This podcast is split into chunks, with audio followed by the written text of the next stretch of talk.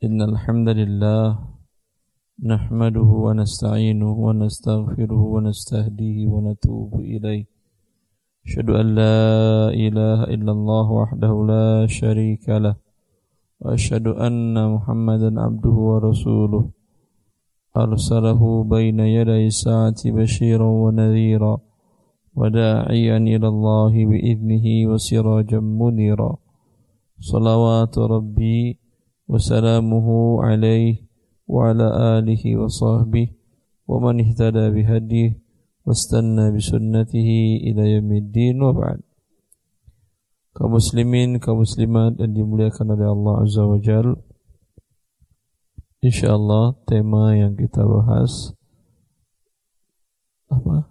Definisi harta haram Definisi harta haram eh, buku yang saya tulis buku harta haram amal kontemporer yang alhamdulillah banyak menang, mendapat tanggapan kaum muslimin di negara ini. Karena sekarang cetakan yang ke-20 dan sudah terjual habis lebih dari 110 ribu eksemplar. Ini menunjukkan kaum muslim Indonesia banyak harta haramnya sehingga buku saya laris. Karena mereka baca sedikit oh iya kayaknya ada kayaknya ada kayaknya ada kayaknya ada. Ya. Ini sengaja saya tulis dengan judul buku harta haram karena di waktu saya mengambil program S3 di Fakultas Syariah jurusan usul fikih di Universitas Islam Muhammad bin Saud di kota Riyadh. Di waktu itu saya sudah menyerahkan disertasi. Saya menyerahkan disertasi itu di awal bulan di awal bulan Januari di tahun 2011 sidang disertasinya di bulan November di tahun yang sama 11 bulan. Penantian yang cukup lama. Dan memang di sana seperti itu. Memang umumnya seperti itu karena eh, disertasi itu setelah selesai ditulis mahasiswa disetujui pembimbing, diajukan ke jurusan. Di, di jurusan kemudian disidangkan layak atau tidak untuk dilanjutkan, diujikan, dibentuk tim. Tim itu terdiri dari tiga profesor, kemudian mereka mempelajarinya, butuh waktu. Kalau mereka mengatakan layak, kemudian disetujui oleh jurusan naik ke fakultas. Begitu terus jalannya dari fakultas naik ke imadah dirasatul ulia atau atau bagian pasca sarjana. Dari pasca sarjana naik sampai ke rektor. Kalau rektor setuju turun lagi ke bawah. Nanti setelah setuju dikirim ke penguji. Penguji disertasi saya salah satunya doktor dari uh, Madinah Universitas Islam Madinah beliau sering ke Indonesia. Syekh Dr. Ibrahim Sulaiman Ar-Ruhaili. Sulaiman Ruhaili yang sering ke Indonesia Slim Tabli Akbar juga. Tentu di tangan beliau beliau butuh waktu membaca. Baca satu persatu per kata beliau baca ya maka suatu hal yang lumrah biasanya maksimal enam bulan di tangan para penguji tadi. Kemudian baru mereka mengajukan kesiapan mereka untuk disidangkan. Makanya alhamdulillah ya waktu yang panjang tadi saya gunakan untuk uh, menulis sesuatu yang berguna untuk kaum muslimin di Indonesia. Seperti saya tulis di buku di sana saya lihat banyak tesis disertasi yang berguna di bidang ilmu fikih. Ya. Ya maka buku saya itu sebetulnya kumpulan dari tesis disertasi khusus di bidang fikih muamalat yang kontemporer sifatnya. Kalaulah masalah ibadah saya tinggalkan, yang kontemporer enggak tidak terlalu banyak. Yang masalah muamalat sangat banyak. Ada sekitar 300 tesis dan disertasi tentang permasalahan muamalat kontemporer. Bahkan disertasi yang pertama itu atas nama Dr. Soleh bin Fauzan Al-Fauzan Syekh Lama besar kerajaan Saudi Arabia Syekh Soleh Fauzan Al-Fauzan dengan judul Al-Hil wal Hurma fil Luhumil Mustawradah. Halal Haram Daging Impor. Ya. Sampai ditulis banyak permasalahan Muhammad, permasalahan keuangan, permasalahan perbankan, asuransi dan lain-lain. Banyak. Maka terpikir oleh saya kalau ini diterjemahkan suatu hal yang luar biasa bermanfaat bagi kaum muslimin di Indonesia. Karena di Indonesia pergerakan ilmiah tidak saya temukan sampai sekarang. Dan saya juga nggak tahu para ustadz, para ustadz yang tamat dari Timur Tengah, dari Madinah dan dari lain-lain juga tidak kelihatan kada ilmiah mereka bermunculan. Berbeda dengan kondisi hidup di negeri Arab Saudi Timur Tengah. Umumnya pergerakan keilmuan luar biasa. Para profesor tersebut minimal mereka memiliki karya ilmiah ada yang lima, ada yang sepuluh, ada yang dua puluh. Ya, Bahkan ada seorang namanya Dr. Abdul Aziz Asadhan itu dengan Profesor Dr. Abdul Karim Al-Khudair beliau anggota ulama besar Saudi Arabia. Hampir buku tentang ditulis dalam bentuk tesis disertasi. Setiap buku beliau baca. Dan beliau pernah menasihati dalam salah satu ceramahnya jangan kalian setelah membeli buku letakkan di lemari jangan. Setelah dibeli dibaca. Taruh di meja, di tempat tidur, di mana-mana boleh. Tapi di lemari jangan. Nanti setelah tamat dibaca baru taruh di lemari. Karena kalau sudah taruh di lemari biasanya tidak mau diambil lagi jelek kayaknya ada yang kosong satu kan ya Ha? Begitu kebiasaan beliau. Sampai beliau memang doktor di bidang hadis, tapi beliau menguasai fikih, usul fikih, yang itu jurusan berseberangan dengan berbeda dengan jurusan uh, spesiasi beliau sebagai doktor di bidang hadis. Dr. Abdul Karim Al-Khudair. Maka Alhamdulillah Allah bukakan pintu hati dan hidayahnya pintu hati saya dan hidayah Allah Azza wa Jal saya kumpulkan semua tesis disertasi tadi. Ya tapi saya mau judul apa? Nggak mungkin ensiklopedi. Nah, makanya ada salah satu tesis dari Yordan berjudul Al-Malul Haram harta haram. Ya saya baca dan saya tertarik dengan Salah satu buku yang terbit barusan waktu itu dia adalah bagian dari disertasi yang dipecah jadi dua. Pengantarnya dicetak satu bagian, yang isinya cetak satu bagian lagi dengan judul Ritajul Muamalat Al-Maliyah. Ritaj, ritaj itu artinya kunci. Jadi dalam bahasa Arab kunci itu bukan hanya miftah saja. Ya, banyak nama orang miftah kan artinya kunci. Tapi ada lagi yang lain, retouch. Dan lebih bagus nama sepertinya retouch gitu kan ya. Ritajul muamalat, kunci muamalat. Di mana beliau menyebutkan tentang kaedah-kaedahnya tadi. Ada kaedah riba, kaedah gharar, dan kaedah darar atau kesoliman. Maka saya pikir ini sangat tapi beliau tidak menyebutkan aplikasi kontemporernya. Beliau sekedar menyebutkan kaidah. Karena ini apa e, prolog pengantar dari diserta, disertasi beliau. Beliau disertasinya tentang e, apa? E, e, transaksi antara bank syariah dengan bank non syariah. Itu si beliau. Beliau mulai dengan itu.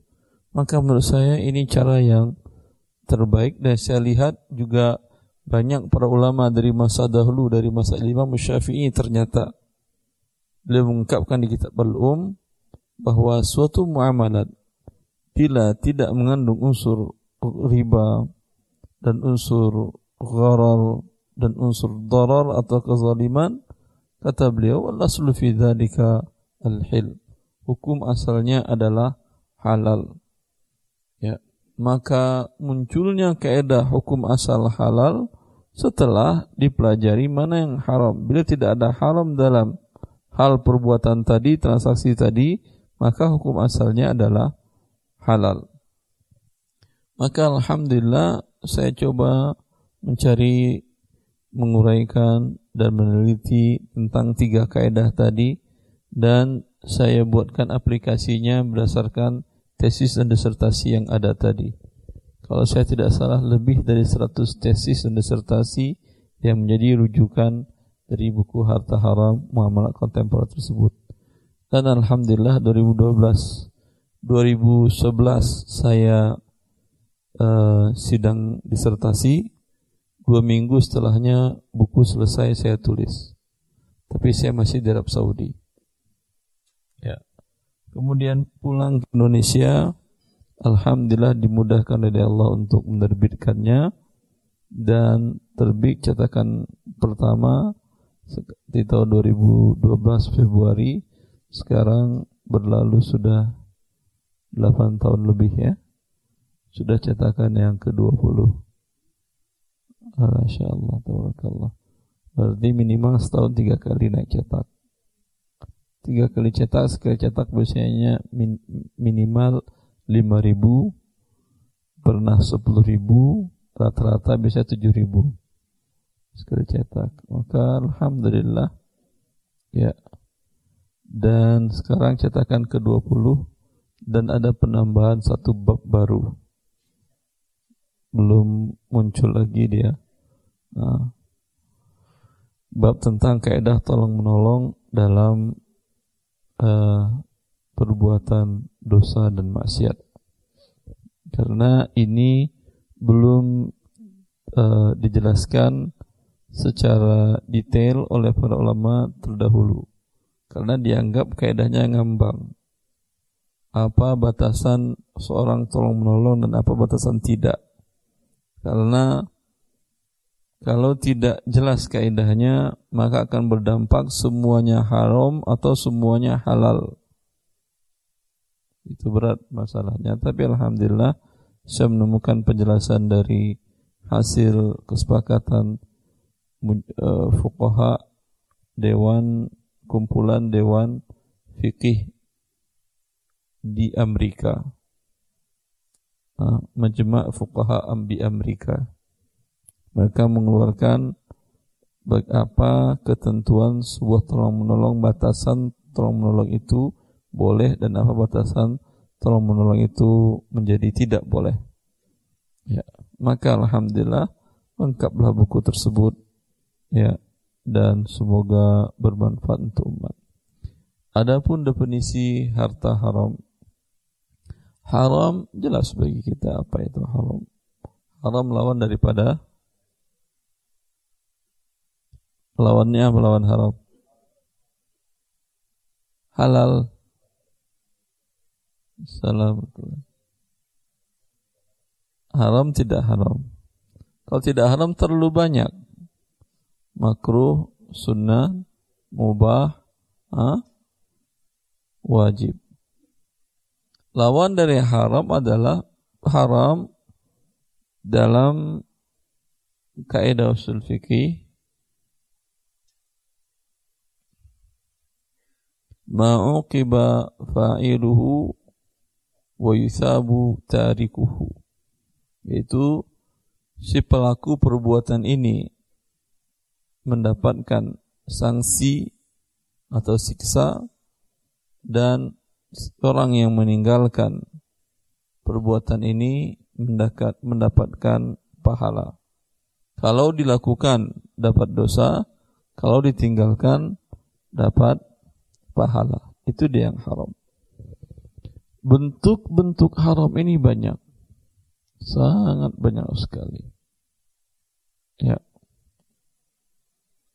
Cuman yang kita maksud, yang saya maksud dalam buku harta haram tersebut adalah haram karena zatnya atau haram karena penyebab transaksinya atau penyebab lainnya. Haram karena zatnya seperti umpamanya benda-benda atau barang-barang yang haram. Apa saja benda-benda barang yang haram, benda-benda yang dilarang oleh Allah dan Rasulnya Muhammad Sallallahu Alaihi Wasallam apa saja? Khamar, ya Allah telah mengharamkan kata Allah Innamal khamru wal maisiru wal ansabu wal azlamu rijs kata Allah khamar itu adalah najis? Dan Allah menyuruh kita untuk menjauhinya. Berarti perintah untuk menjauhi berarti itu barang-barang haram atau barang dilarang atau tidak? Allah mengatakan Innama yuridu syaitanu an yuqi'a bainakum al-adawata dha'a fil khamri wal maisir wa yasuddakum an dzikrillah wa anis salah fahal antum muntahun? Kata Allah berhentilah kalian dari mendekati dalam ayat yang lain fajtanibu kata Allah maka hindarilah khamal tadi maka dia sesuatu yang terlarang. Maka bila menjualnya,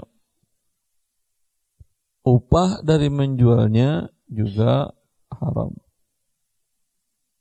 Karena Rasulullah mengatakan, mahul lima Inna Allah idha harrama syai'an harrama thamanahu.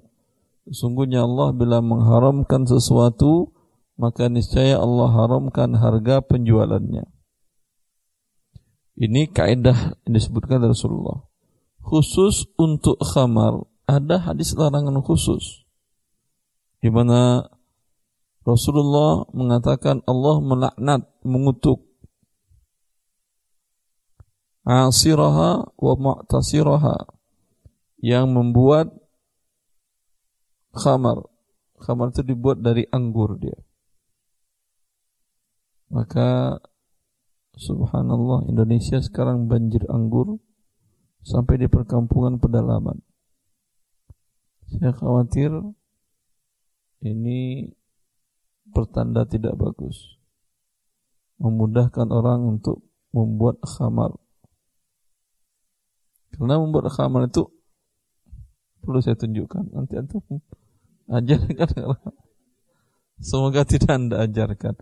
Anggur itu ya diperas airnya itu dibiarkan tiga hari ditambah dengan air sudah menjadi khamar dia mabuk sudah itu dia yang khamar fermentasikan tiga hari itu dia yang khamar ya maka subhanallah anggur sekarang banjir Indonesia jangan-jangan pertanda tidak baik orang menginginkan warga negara muslim Indonesia jadi para pemabuk yang dapatkan khamar dengan cara yang mudah.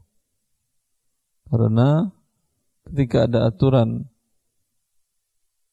apa minuman beralkohol dilarang dijual belikan ya di apa di toko-toko retail ya ada orang yang mabuk dengan minum pan makan panadol apalagi macam-macam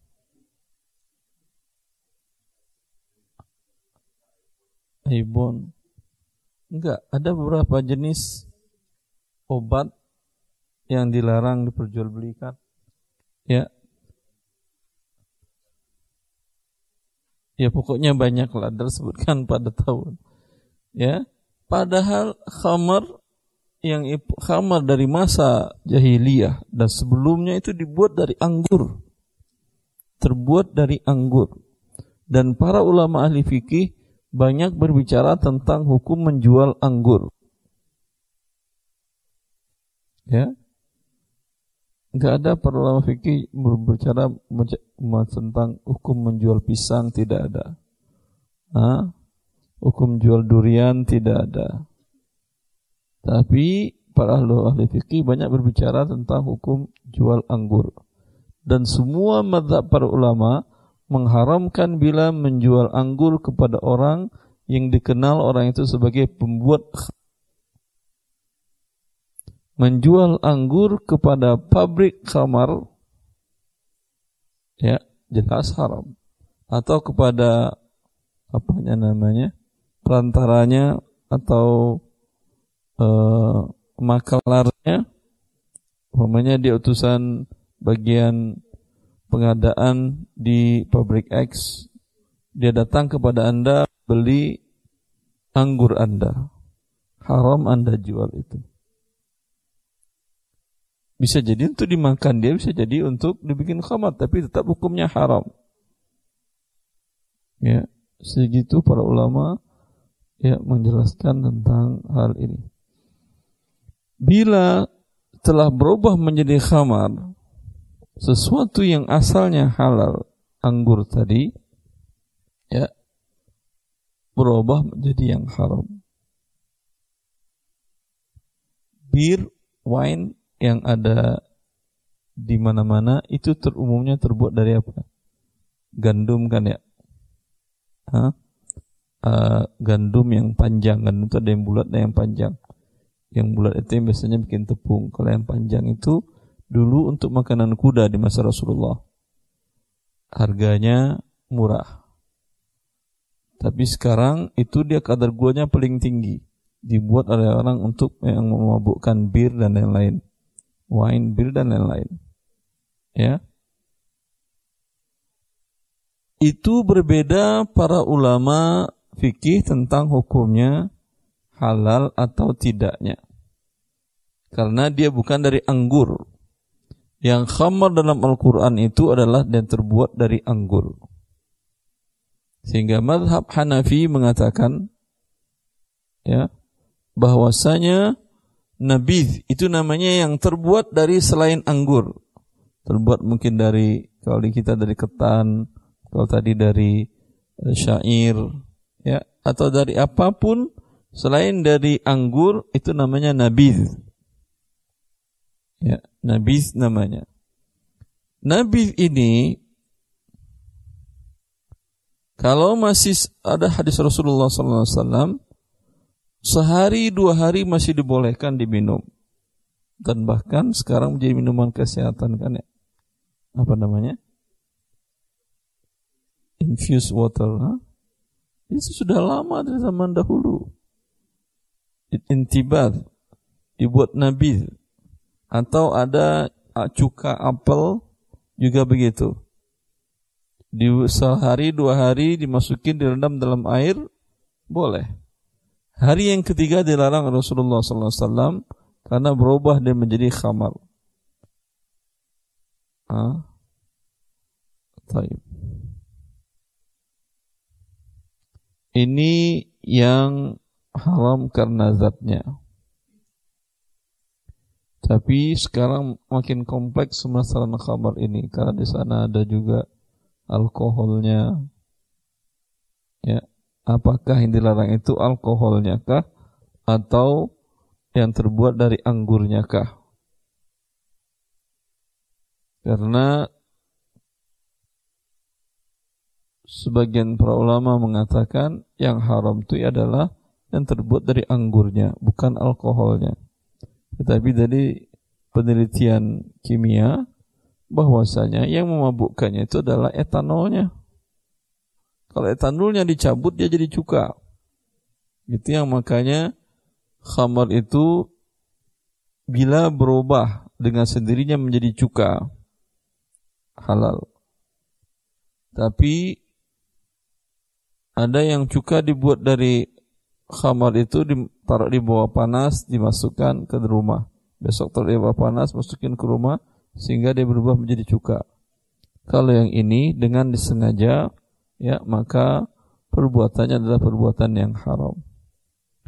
Baik, ini salah satu contoh benda yang haram. Ya. Kenapa dia diharamkan? Dia masuk dalam kaidah mudarat atau kezaliman. Allah kan mengharamkan khamar. Kenapa Allah mengharamkan khamar? Ilatnya apa? Kira-kira apa hikmah di balik pengharaman khamar? Apa? Hilang kesadaran. Bukankah hilang kesadaran bagus? Buktinya Anda tidur. Tidur kan hilang kesadaran. Bagus atau tidak tidur? Tidur bagus. Asal asal porsinya sesuai. Ah? Merusak.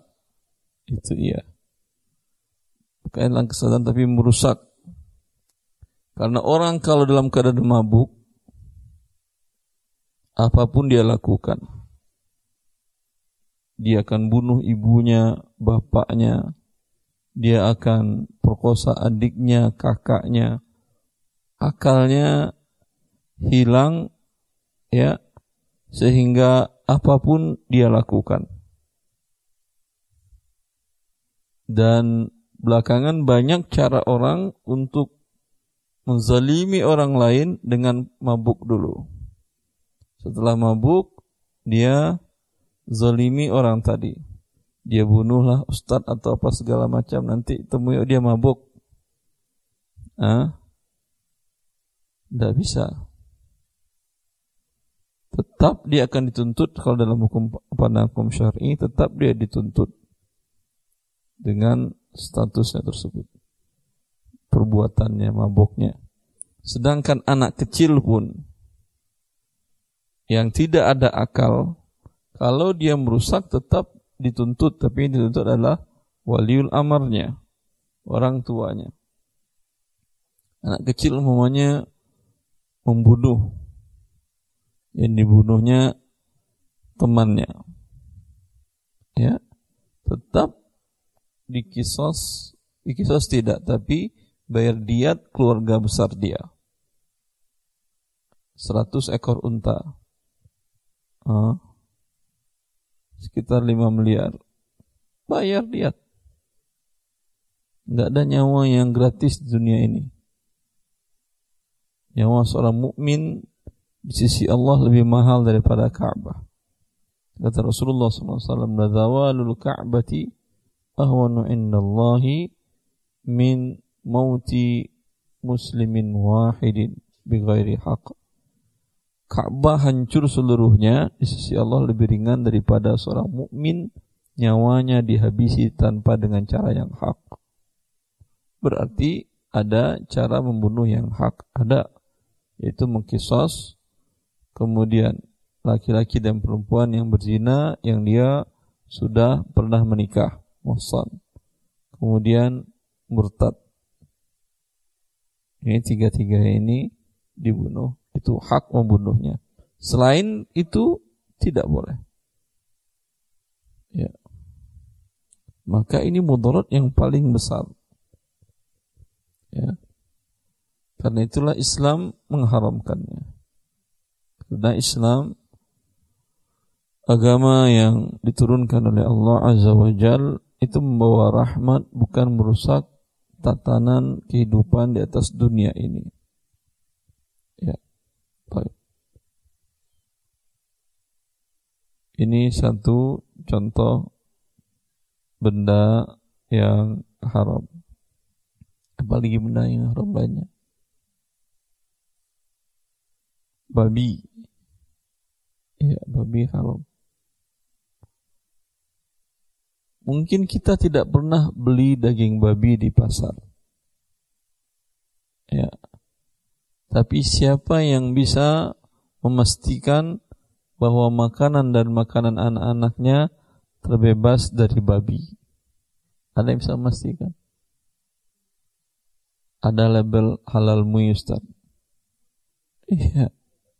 Apakah label halal mui cukup? Kenapa? Karena penggunaan beberapa dari organ babi itu sangat luas sekarang dalam makanan obat-obatan berbentuk apa namanya? Enggak, yang ini namanya adalah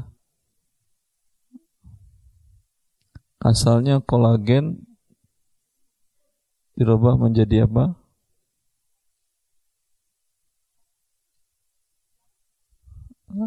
Ada yang enzim babi itu yang diambil. Ada kemudian satu lagi Iya, vaksin itu menggunakan.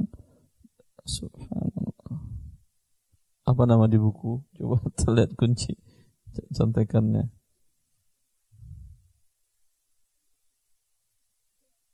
Hah? Bukan kata bukan katalisator.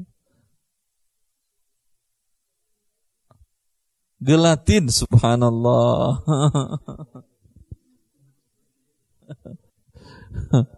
Subhanallah. Gelatin babi masuk ke obat-obatan, ke vaksin, ke makanan, ke es krim, ke permen, roti, banyak subhanallah. Coklat, ya. Iya es krim tadi udah, es krim tadi udah. Tapi bukan tujuannya juga nakut-nakutin kita agar kita nggak makan es krim, nggak makan ini, nggak enggak, enggak. Ya. Juga penggunaan alkohol tadi juga luar biasa sekarang. Ya. Baik. Cukup saya kira. Cukup pemaparannya. Silahkan diskusi karena waktu asar jam 2.50 tinggal 50 menit lagi.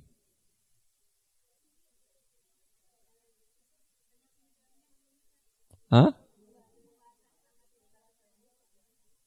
Kenapa?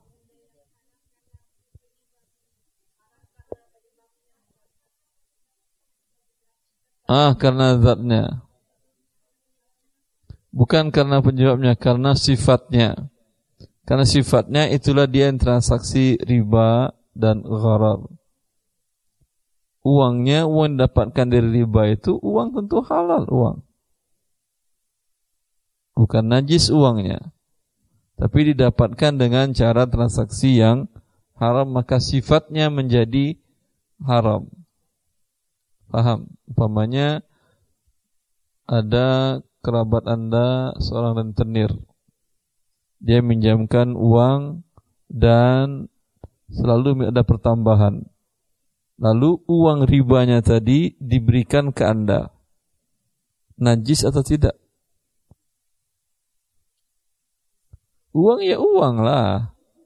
Uang ya nggak najis uang. Kan dari kertas bukan dari, dari kulit babi dia. Tapi dia sifatnya karena dia didapatkan dengan cara yang dimurkai atau dilarang oleh Allah Azza wa Jalla dengan cara riba. Ini dia dengan sifatnya. Ya, wallahu a'lam. Silahkan.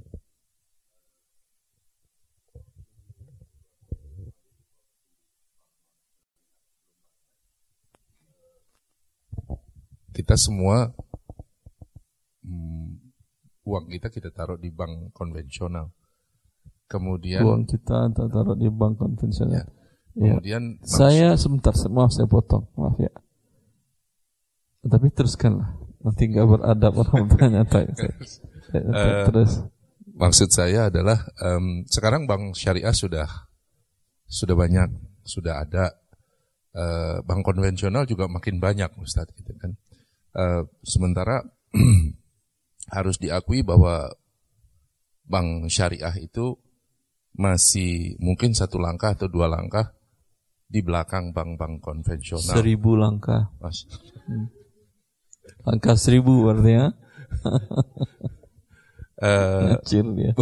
beberapa waktu yang lalu uh, sempat ini juga bahwa oh kalau misalnya bank konvensional uh, kita bisa minta kepada bank konvensional itu untuk tidak diberikan uh, bunga, bunga atau atau ini maka uh, dibolehkan untuk kita bisa taruh uang di situ dengan tujuan sebetulnya lebih kepada untuk transaksi dan menyimpan uang gitu ya. Uh, tidak tidak berharap uang itu berkembang dan lain sebagainya gitu kan. Uh, jadi sebaiknya bagaimana Ustadz? Apakah kita tetap di bank konvensional dengan bunga 0% itu tadi karena memang tujuannya untuk untuk terutama untuk bertransaksi gitu ya bukan untuk nyimpan uang gitu kan. Atau uh, kita kita taruh di bank syariah yang katanya sudah sesuai syariah Ustaz. atau taruh di rumah. Kenapa antum ketawa saya baru baca tadi pagi tulisan Pak Dahlan Iskan bahwa di Jepang itu semuanya tidak ada pakai imani. Naik kendaraan umum, naik taksi pakai uang tunai. Ya. Enggak ada orang pakai ATM. Orang pakai uang cash. Betul. Itu beliau nulis tadi pagi di FB di tagline-nya beliau. Ya. Kemudian Kenapa kata beliau? Karena di sana semua bank memberikan bunga 0% kepada para penabung. Ternyata orang kafir lebih dulu ngerti. Sehingga orang-orang nyimpan uang di rumah masing-masing. Kemudian di luar halal dan haram gaya hidup pakai kartu itu beda dengan gaya hidup pakai uang cash. Karena kalau pakai kartu orang tidak merasa main gesek, main gesek, main gesek. Kalau memang uang pribadi dia cepat habisnya. Kalau uang bank cepat ribanya besar. Makin berat dia. Ya, karena nggak berasa. Tidak terlihat. Tapi kalau Coba sobek kartu ATM Anda. Ya, hidup dengan uang cash. Hidup Anda akan terarah. Ya. Kenapa? Ya. Allah taala Itu gaya itu pilihan yang bagus menurut saya. Tapi dimasuki orang rumah kita Ustaz, ya bagus memasuki orang rumah Anda. Ah, tamu masuk ke rumah bawa rahmat, keluar bawa maghfirah. Tapi kalau maling, doakan aja kepada Allah Azza wa Jalla agar dia diberi ampunan dan hidayah. Nah, kembali kepada pertanyaan antum tadi ini ya sekedar gaya hidup orang Jepang yang dilihat oleh Pak Dahlan Iskan dan beliau tulis. Ya, menurut saya itu juga satu hal yang bagus. Coba lihat sekarang semuanya pakai imani segala segala macam. Ya, itu nggak berasa Anda keluarnya uang itu. Coba ya kalau Anda umpamanya gaji umpamanya gaji suami atau uang cepat habisnya, coba jangan pakai kartu ATM hidup. Insya Allah akan bersisa uang Anda banyak. Karena setiap mau ngambil kepikiran. Kalau teman gesek kan nggak berasa. Ya. Masalah yang tadi uh, kalau Anda nabung di bank konvensional uang Anda akan dipakainya. Tidak mungkin Anda store uang dan minta nomor seri yang sama ketika Anda store. Berarti uang yang diberikan kepada Anda adalah bukan uang yang pertama, diganti dia. Secara pandangan fikih, definisinya inilah definisi dari uang pinjam akad pinjam meminjam uang. Qard namanya. Ketika diberikan pertambahan maka hukumnya menjadi riba. Itu yang tadi saya katakan di Jepang sudah nol bunga tabungan. Apakah mereka bersyariah? Ya tidaklah, mereka orang kafir ya akhi. Allah aja nggak percaya mereka tuannya matahari. Ya, tapi kenapa mereka hidup begitu? Hasil penelitian panjang mereka pasti kesimpulannya seperti inilah kehidupan itu menjadi baik. Kita sudah Allah turunkan Al-Quran dan Sunnah Nabi Muhammad Sallallahu Alaihi Wasallam tanpa penelitian di bidang ekonomi. Tinggal ngikutin antum. Masih nggak mau. Ya. Maka Allah Ta'ala alam Lihat saja kaedahnya Setiap anda serahkan uang dalam bentuk deposit Kemudian dapat keuntungan Baik bertambah uang anda Atau uang nggak bertambah Tapi anda mendapatkan manfaat gratis Potongan dapat diskon jasa Ya. Sama. Tidak ada beda Itu juga riba. Seperti yang ada pada OVO dan apalagi GoPay sebelumnya, GrabPay dan lain-lainnya dan setiap hari akan muncul di bank-bank konvensional dalam bentuk aplikasi. Ya, karena apa? Cara berpikir mereka sudah riba, maka setiap segala sesuatunya adalah riba ujung-ujungnya.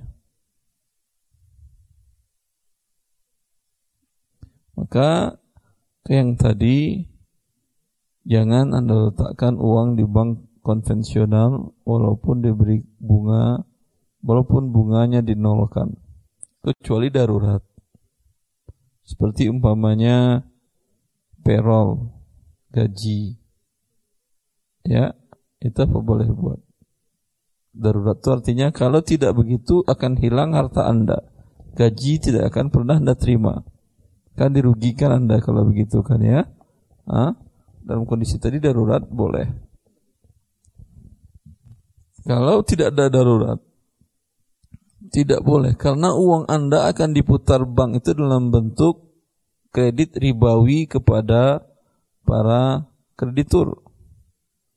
Disalurkannya dalam bentuk pinjaman lagi kepada para kreditur ya, dibayar berbunga gara-gara uang Anda. Karena sebuah bank itu lebih dari 70% asetnya itu adalah dari uang nasabah. Makanya semua bank takut dan negara pun takut kalau para nasabah itu menarik uangnya karena sedikit saja isu. Ya, kakak tutup bank itu. Wallah taala Jelas?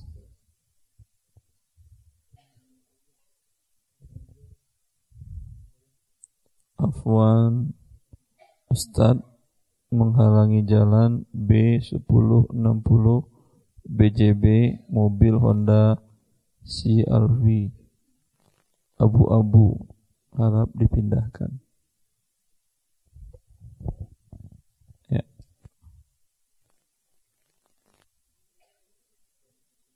boleh.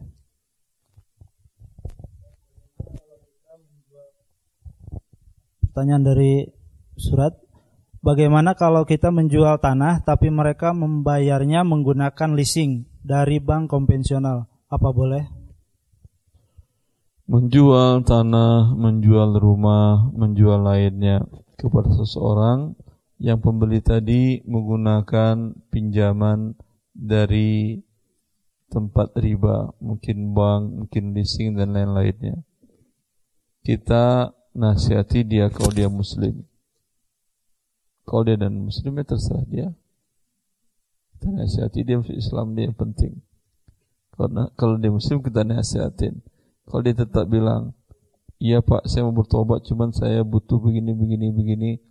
Ya apa boleh buat saya pengen beli ini Anda sambil menjual mobil sambil berdakwah ya tetap juga dia mau beli mobil atau rumah atau tanah Anda dengan cara demikian, ya katakanlah, ya saya tidak akan bantu proses apa pun. Sampai uang di rekening saya, kita datang ke notaris buat akad jual beli. Kira-kira cair nggak kreditnya dia? Cair, enggak bisa cair. Ya, ngapain Anda mau jadi tolong menolong dalam maksiat? Karena Allah mengutuk katibaha wa syahidai. Mengutuk dua saksi riba. Kalau diminta Anda menjadi saksi bahwa Anda menjual rumah atau tanah kepada seseorang tadi diminta oleh bank untuk menjadi saksi ya bahwa betul seperti demikian, maka Anda terkena gara-gara Anda cair pinjaman ribanya. Pertanyaan selanjutnya. Assalamualaikum Ustaz. Assalamualaikum. Saya pemilik dan direktur sebuah hotel. Hotel tersebut dikelola oleh perusahaan hotel internasional dan di hotel tersebut menjual khamar. Apakah saya ikut menanggung dosa Ustaz? Jazakallah khair. Allah barik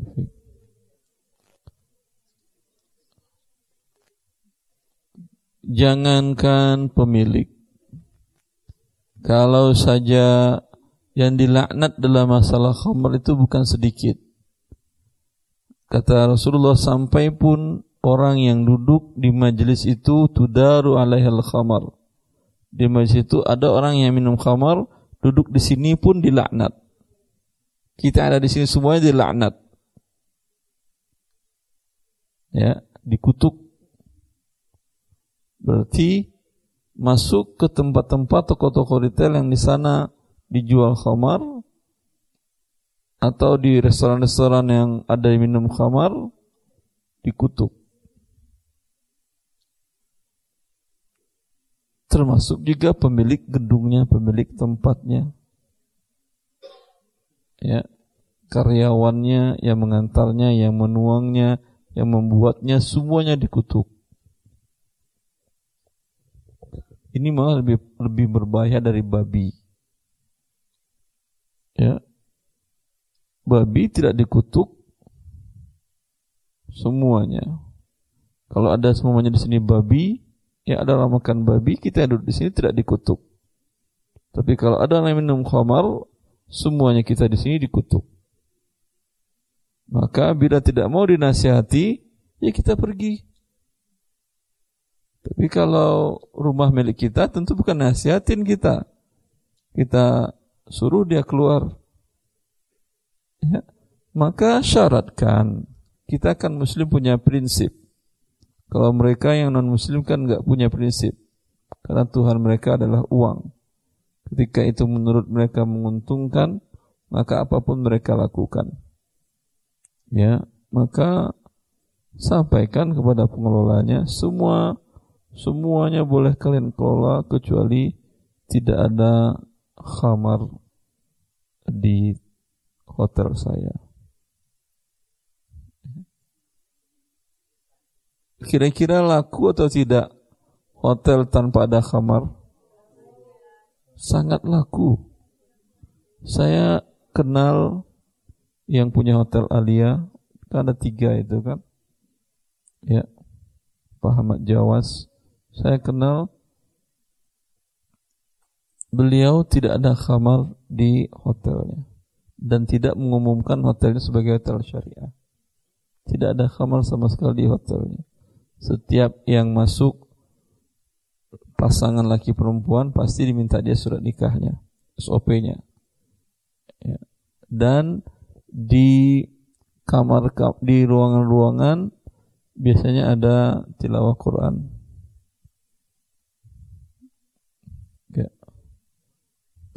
Laku, laku. Sangat laku. Saya dulu memberikan pelatihan di Kementerian Keuangan, malah ke, di Dirjen Pengelola Utang Negara tentang masalah sukuk. Mereka mengadakannya di Hotel Alia dekat Senen yang di dekat Senen Perapatan.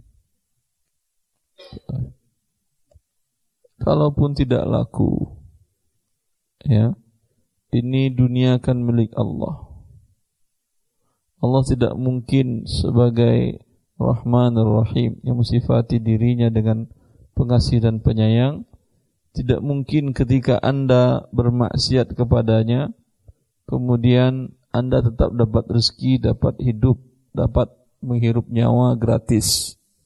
Ketika Anda taat kepadanya, dia tahan kemudian nikmatnya tentu tidak mungkin. Allah ya Baik, pertanyaan selanjutnya. Sebentar. Untuk ini nanti dulu. Enggak, satu sebentar, pertanyaan sebentar, lagi. Sebentar,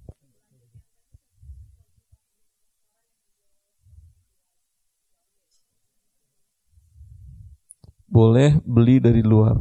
Kalau umpamanya masuknya tidak boleh. Masuk ke ruangan itu tidak boleh. Kena kutuk, kena laknat. Beli di luar. Kalau penting kalau arti darurat. Kalau enggak kan di Indonesia kan banyak yang rumah restoran tanpa kamar. Kenapa juga dipilih yang pakai kamar tadi? Hah? Sederhana ada kamar ya? Enggak ada kan ya? Saya enggak ada kan. Warteg apalagi? Tapi enggak sebagian warteg ada jual bir dia.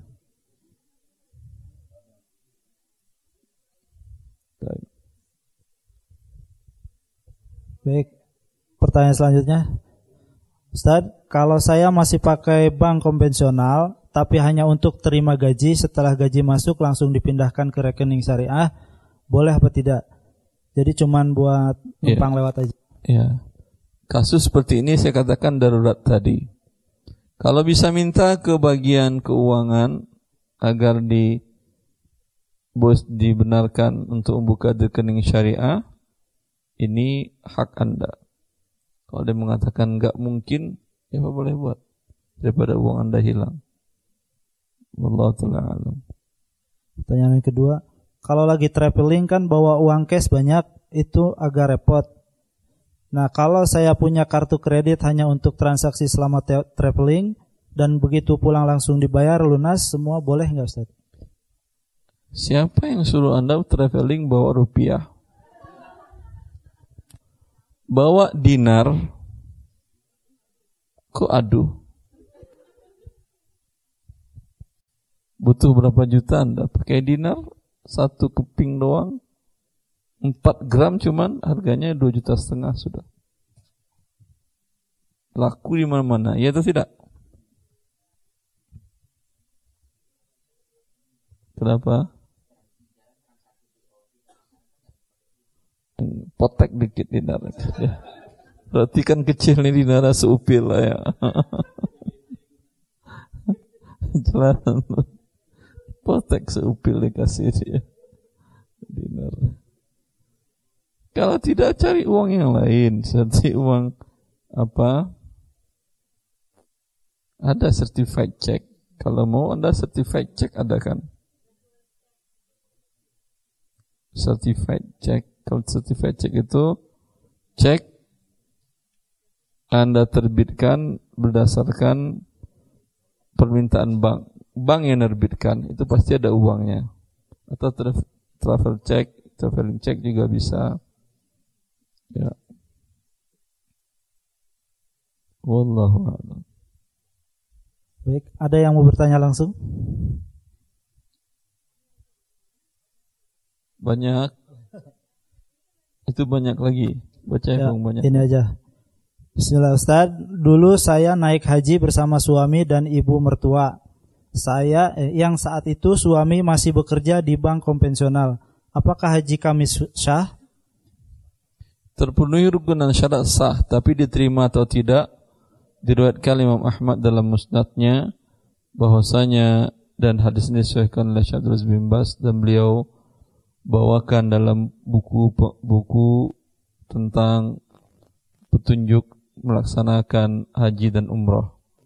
Kata beliau menukil hadis itu sesungguhnya ketika seseorang datang membawa harta yang haram melakukan ibadah haji dan umrah dan dia mengucapkan labbaik Allahumma labbaik maka yunadi munadi minas sama Allah mengutus seorang malaikat yang menyambut panggilan tadi di langit, la labbaika wa la sa'daik. Tidak diterima kedatanganmu dan engkau tidak mendapatkan kebahagiaan. Fa inna malaka haram wa zadaka haram wa hajjuka ma'zurun ghairu mabrur. Sesungguhnya harta yang kau bawa adalah harta yang haram. Bekal yang kau bawa adalah bekal yang haram. Hajimu tertolak dan tidak mabrur. Buat pahala berarti tidak ulang lagi. Tadi tapi kewajiban gugur sudah. Sama Anda dengan sholat, ya dikatakan oleh Ibn Abbas bahwasanya la yakbalullah salat tamri'in fi jawfihi haram. Jangankan dibawa umrah, dimakan tuh uang gaji dari kerja di bank, salat Anda pakai kekuatan makanan tadi yang ada di perut Anda itu makanan yang dapat dari uang gaji riba tadi. Kata Ibnu Abbas, Allah tidak menerima salatnya la yakbulullah salat tamri'in fi jawfihi haram. Allah tidak menerima salat seorang hamba yang di dalam lambungnya ada makanan yang didapatkan dengan cara yang haram.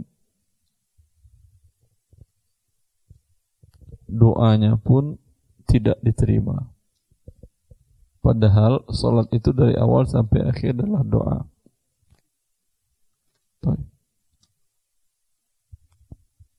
Terus selanjutnya, Assalamualaikum Ustaz. Bagaimana hukum arisan yang memakai patungan uang konsumsi?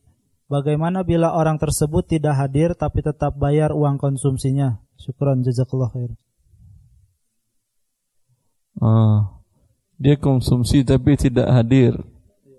Suruh dia ambil. Kalau dia nggak mau ambil, beritahukan kepada dia, ini dalam sekian jam rusak. Kalau anda tidak ambil, kami sedekahkan ke orang lain. Ya. Atau dia bilangnya udah saya nggak bisa hadir, saya lagi safar atau lagi jauh, ya sedekahin aja makanan tadi. Baik. Pertanyaan selanjutnya, bolehkah ikut menjadi peserta BPJS Kesehatan? BPJS Kesehatan bukan boleh atau tidak, dicabut warga negara Anda 2019. Sekarang 2017 pemerintah baru mewajibkan kepada perusahaan yang mempekerjakan karyawan lebih dari lima orang. Ya. Nanti 2019 semua warga negara Indonesia kalau Anda tidak mengikutinya maka tidak akan mendapat pelayanan publik seperti KTP, kalau ngurus KTP, ngurus KK, ngurus akta kelahiran dan lain-lain paspor, ya. Maka dengan demikian bila sudah diwajibkan pemerintah bila masih ada unsur haramnya yaitu denda keterlambatannya tidak mengapa. Wallahu taala Pertanyaan selanjutnya, Ustadz, bagaimana hukumnya kita duduk di tempat yang sebelumnya ada anjing atau babi lewat di situ? Ada anjing dan babi apa salahnya? Enggak udah boleh khamal tidak boleh. Kalau anjing babi yang dilarang oleh yang dikatakan oleh Rasulullah, "Iza walagal kalbu fi ina'i ahadikum." Ah, wa falyaghsilhu sab'an ihdahunna biturab. Bila anjing memasukkan lidahnya ke dalam bejana tempat ada air lalu dia minum di sini. Kan dia dia minum itu mulutnya masuk lidahnya digoyang-goyang. Itu yang kata walagha. Itu yang itu yang dikatakan Rasulullah buang airnya dan bejananya basuh tujuh kali salah satunya dengan tanah. Ya. Yang ada larangan masalah anjing untuk memeliharanya. Memeliharanya ia adalah larangan. Manik tanah kalban ghaira kalb saydin aw harthin yanqusu min ajrihi kulla yawmin qirat. Siapa yang memelihara anjing bukan anjing untuk berburu dan anjing penjaga kebun. Berarti anjing penjaga kebun dengan berburu boleh dipelihara. Tapi namanya penjaga kebun dan berburu tempatnya tentu bukan di rumah. Di kebun sana, jauh dari orang-orang. Tidak mengganggu orang-orang dan anak-anak yang lewat. Ya. Bila dia memelihara anjing, setiap hari berkurang pahalanya satu kirat. Ini kerugian yang sangat besar. Karena tidak pernah kita setiap hari, setiap saat, bahkan sekali setahun, sekali dua tahun, setiap beramal, ada laporan dari malaikat, amalmu yang ini checklist diterima, yang ini checklist diterima, ini diterima. Tidak pernah.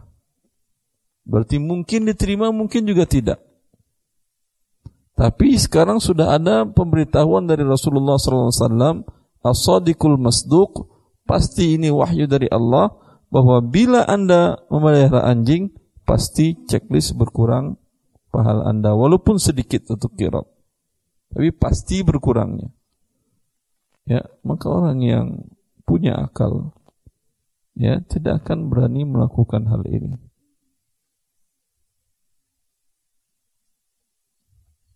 Ya.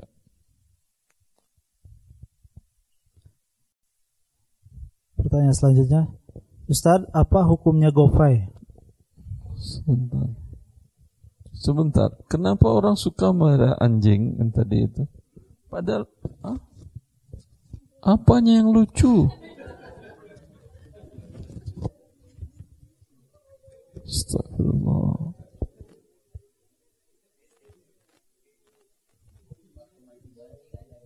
Harimau sekalian yang lucu. buas karena dia ada kuku, potong kuku sama giginya udah lucu banget itu. Allah Allahu Apa tadi GoPay? Ah, GoPay sama seperti yang tadi saya katakan. Anda deposit uang, kemudian dia berikan keuntungan kepada Anda dalam bentuk servis ada potongannya. Ya jasa ada potongannya. Maka ini dia menjadi haram. Dia sama dengan idenya sama dengan bank riba itu. Deposit uang yang deposit uang dikasihnya bunga. Berbentuk uang juga. Keuntungan dalam bentuk uang. Kalau ini keuntungan dalam bentuk potongan harga. Kalau tidak karena deposit tadi dia akan dikasih makanya kalau cash tidak akan ada potongan. Kalau deposit ya ada potongan. Ini yang riba itu. Jelaskan nggak ada kan? Gope yang tidak ada potongan nggak ada kan ya? Semuanya pasti diberikan dia potongan kan ya? Iya karena sama seperti bank riba bunga terus. Dia emang adalah bank riba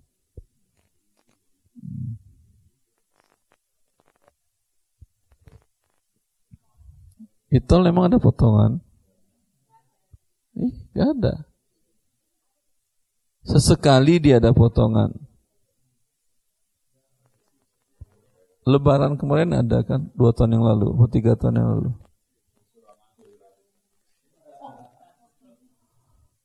Itu mah kalau gratis halal. Suramadu berapa kilo itu? 5 kiloan. Saya dari Riyadh dulu kuliah di sana. Ke Mekah ke Madinah 900 kilo lebih. Jalanannya tidak ada lampu merah ketika melewati luar kota. Sampai lampu merah di Mekah atau di Madinah lagi gratis tolnya. Gratis. Tapi nggak tahu saya sekarang. Karena sekarang harus ada banyak perubahan Ya di, mana? Gratis juga. Enggak itu jalanan gratis. Jalan tol saya bilang gratis dia. Ah, subhanallah. Terus tanya selanjutnya, Ustaz, kalau alkohol dalam bentuk kosmetik gimana? Eh, alkohol dalam kosmetik gimana hukumnya? Alkohol dalam kosmetik itu yang etanol atau apa? Etanol. Etanol itu mabuk itu. Coba minum. Itu di inti khamar itu itu. Maka Allah mengharamkan khamar karena dia mengandung etanol itu penyebab mabuknya itu adalah etanol, ya, maka ini kosmetik bikin Anda berdosa. Karena ada khamar berarti. Ada khamar di rumah Anda berarti dengan adanya etanol tadi. Kalau Anda katakan untuk kesehatan Ustaz, luka segala macam. Apa obat luka yang pakai etanol itu juga? Buat merah nggak ada etanolnya, nggak ya satu lagi. Betadin itu pakai etanol tinggi kadar etanolnya. Kalau minum mabuk gitu. Ya. Par dulu banyak yang etanol, tapi belakangan banyak yang dibikin etanol alkoholnya pakai denat. Denat itu kalau diminum karena banyak orang minum untuk mabok. Di negara yang seperti di Indonesia kan banyak sweeping-sweeping khamar, ya, maka mereka beli parfum diminumnya parfum bermabuk. Seperti yang orang Rusia itu gak mabuk dia kan ya sukhoi, spiritus diminumnya, alhamdulillah.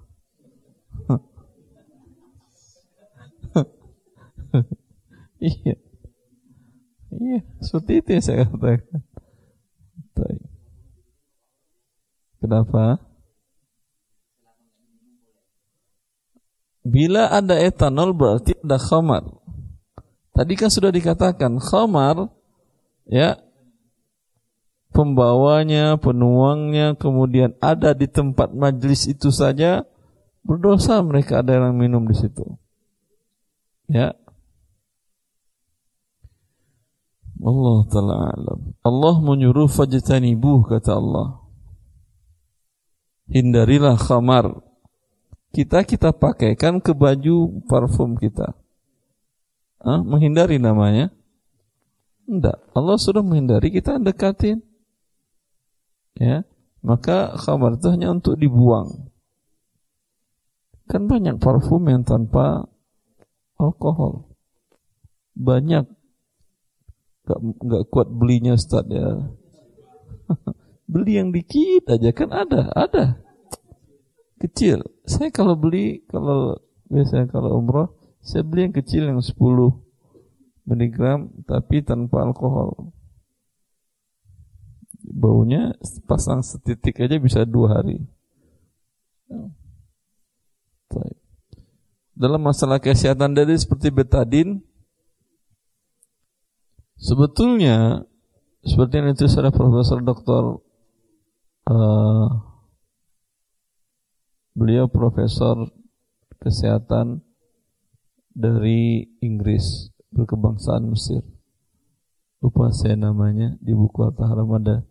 Kata beliau, alkohol menjadi kebutuhan yang sangat apa masif dilakukan di, di bidang kesehatan itu karena yang mengembangkan kesehatan orang-orang kafir.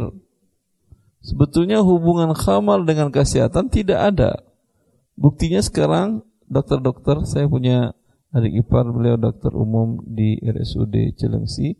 Sekarang kalau luka bukan pakai betadin lagi, pakai apa? Pakai apa? Minyak minyak zaitun, iya, tapi susah di Indonesia punya minyak zaitun.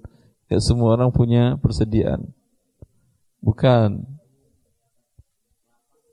minyak kelapa, iya, madu, ya tapi nggak semua orang yang punya. Air mengalir. Air dari umpamanya buka ke umpamanya tangan anak luka, tangan ada luka, buka keran, basuh terus sampai berhenti dia. Itu sekarang penemuan terbaru di bidang ilmu kesehatan.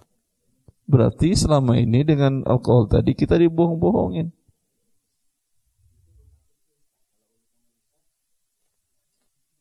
Dekat besarnya ke rumah sakit, jangan di rumah pakai air. Ya. Lukanya besar, lehernya putus pakai air ya.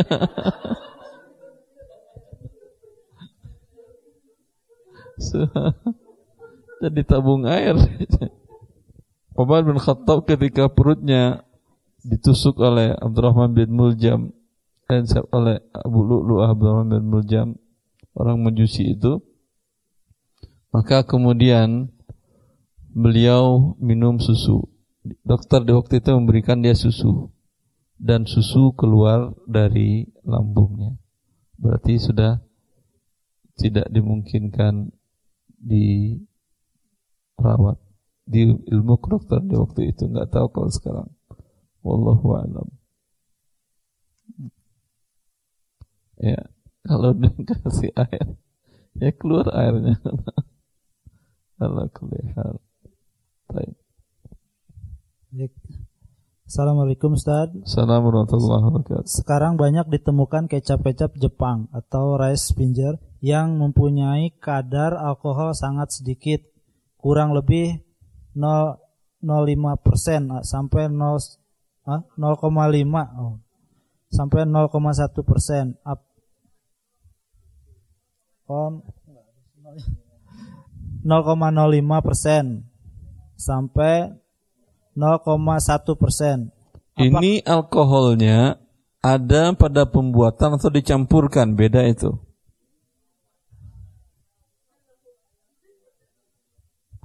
Kalau dicampurkan, yang mencampurkannya berdosa. Ya. Kemudian bagi yang menggunakannya ada atau tidak sifat alkohol itu pada kecap tadi. Baunya rasanya dingin. Kalau masih ada berarti masih ada alkoholnya walaupun dia bilang 0,0 sekian tetap masih ada hukumnya haram. Tapi kalau yang memang ada dari awal dari awal dan tidak memabukkan seperti tadi jus setiap jus itu setelah satu hari walaupun jus mangga air kelapa dan lain-lain jus anggur itu muncul di situ etanol sampai terkadang 0,5 0,5 per 100 persen. Ya, tapi kan Rasulullah sudah mengatakan sebelum dua hari boleh. Sebelum tiga hari boleh. Roti yang namanya roti Arab yang dimakan khubus oleh Rasulullah SAW itu pakai ragi. Di apa tepung dikasih air, dikasih ragi, di, dibiarkan berapa waktu. Itu kadar alkoholnya tinggi itu. Akan tetapi itu sudah ada di masa Rasulullah dan semua orang makan roti itu. Ya. Maka aku masalahnya adalah halal karena ketika dibakar itu alkoholnya terbang. Pada hasil akhirnya tidak ada lagi. Wallahu taala. Yang jelas kalau dia menyebutkan alkohol walaupun sekian-sekian, kan lebih banyak kecap yang lain yang tanpa itu. Kenapa juga memaksakan diri kecap yang haram itu? Masalahnya ikhwan, akhwat sekalian, ibu sekalian, kitanya yang masalah. Ya kita yang bermasalah. Gara-gara kenapa harga naik, kenapa barang-barang yang haram masuk Indonesia? Karena kita mau beli. Maka ketika harga tinggi, para kaum muslimin mengadu kepada Umar di waktu menjadi khalifah di Madinah Maka kata Umar bin Khattab, "Arkhisuha bitark." Saya tidak perlu membuat kebijakan. Kalian sendiri yang membuat kebijakan. Tinggalkan, jangan dibeli barang yang naik itu. Cari gantinya. Ketika zabib, zabib itu anggur kering. Orang yang di Hijaz, di Mekah, Madinah, tidak terlalu banyak penghasilan anggurnya. Jika harganya tinggi, maka kata maka orang-orang mengeluhkan kepada Khalifah dari Ali bin Abi Thalib, kata Ali, "Istabdiluha bitamar fa innahu jayyid," kata beliau. Ganti dengan yang lain udah. Ganti dengan korma lebih baik daripada anggur kering tadi, korma kering. Lebih baik daripada anggur kering. Walhasil gaya hidup kita yang menentukan kondisi itu. Wallah taala Terus berapa persen batasan haramnya Ustaz? Apa itu? Itu yang alkohol itu. Yang diharamkan. Selagi di bau masih ada, dipegang masih berasa, walaupun dia tulis 0,00000 tetap namanya adalah khamar. Kecuali Anda ada pada yang tadi saya katakan, pada minuman yang sudah uh, sebelum tiga hari uh, jus Anda tadi, ya, Anda taruh mungkin di kulkas, itu masih boleh. Walaupun angkanya sudah besar. Berjadi berarti yang menjadi patokan bukan masalah persentasenya. Sifatnya tadi.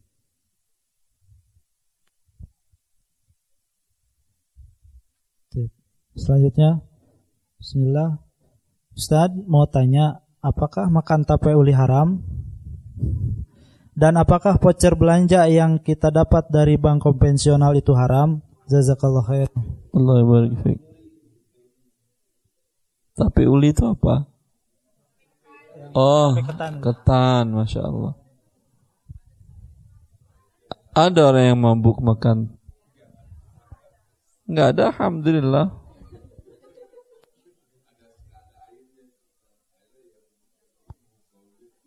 Airnya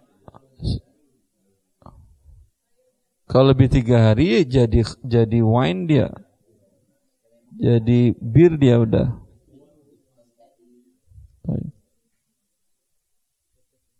Voucher belanja dari bank konvensional haram karena anda dapatkan kan karena anda deposit. Ini bunga lagi dalam bentuk voucher. Terus. Baik. Saya seorang desainer. Lalu bagaimana yang voucher tadi ketika Anda sudah menerimanya, berikan kepada fakir miskin. Ya. Saya seorang desainer dan kontraktor.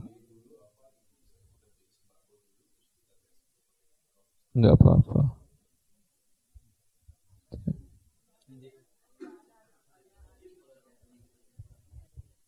Kenapa? Fakir boleh. Bukan ke orang tidak semua orang lain boleh mendapatkan uang dari riba itu. Yang boleh hanya fakir miskin.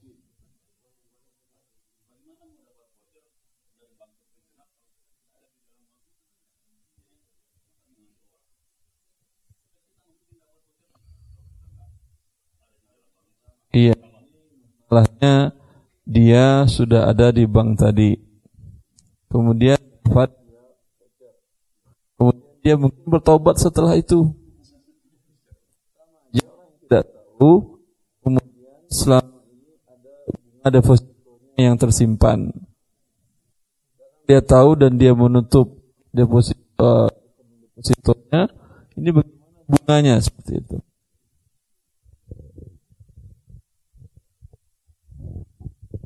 Bismillah apalagi saya seorang kontraktor, eh, desainer dan kontraktor, mendesain dan merancang toko alkohol dan restoran yang menjual alkohol. Apa apakah menanggung dosanya, Ustaz? Iya. Haram ini ya akhi. Ya. Wala ta'awanu 'alal ismi wal udwan kata Allah. Jangan kalian tolong menolong dalam dosa dan melampaui batas ketentuan Allah. Banyak yang halal, kenapa juga yang haram dilakukan? Hah?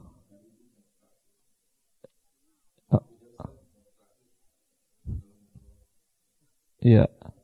Cetakan yang 20 bukan yang ini. Fadal terus. Ustaz, apa hukumnya bila uang naik haji kita menyetornya melalui bank konvensional?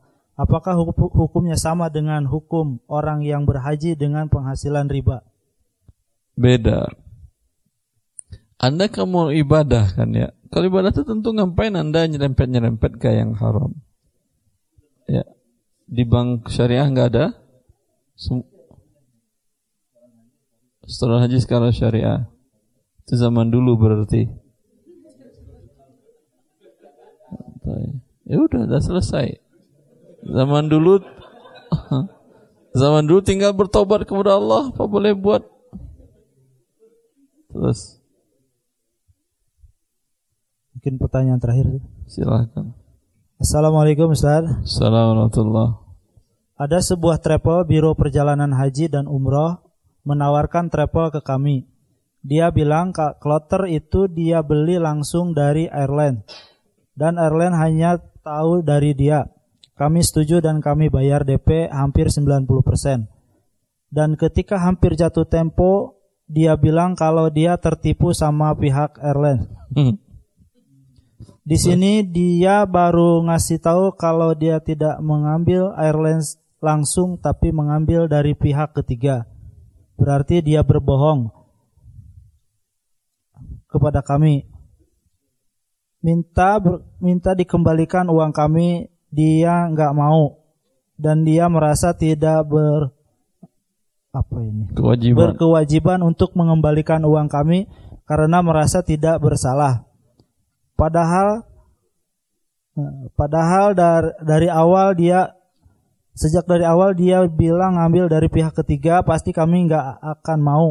Berarti dia sudah melakukan dua ke apa ini? Kesalahan. Kesalahan dan pertanyaannya kebohongan. Apa dia? Bagaimana menurut pandangan Ustadz dalam kasus ini?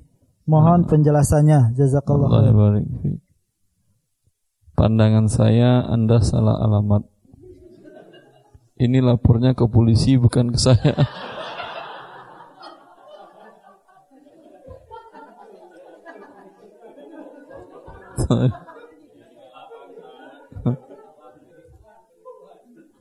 Kalau ke saya dalam berakad setiap Anda berakad minta kalau akad tidak tunai Allah menyuruh ya ayyuhalladzina amanu idza tadayantum bidainin ila ajalin musamman faktubuh. Wahai orang beriman bila kalian membuat akad tidak tunai tulis dan ambil saksi. Wa in kuntum ala safari wa lam tajidu katiban farihanum maqbudah bahkan di akhir ayat, ayat selanjutnya Allah mengatakan ambil barang jaminan Nah, Anda setor uang 90%, 1 juta, 2 juta atau berapapun, ambil jaminan dari dia. Kalau tidak ada jaminan, berarti dari awal Anda sudah mau bersedekah ke dia, ya Alhamdulillah.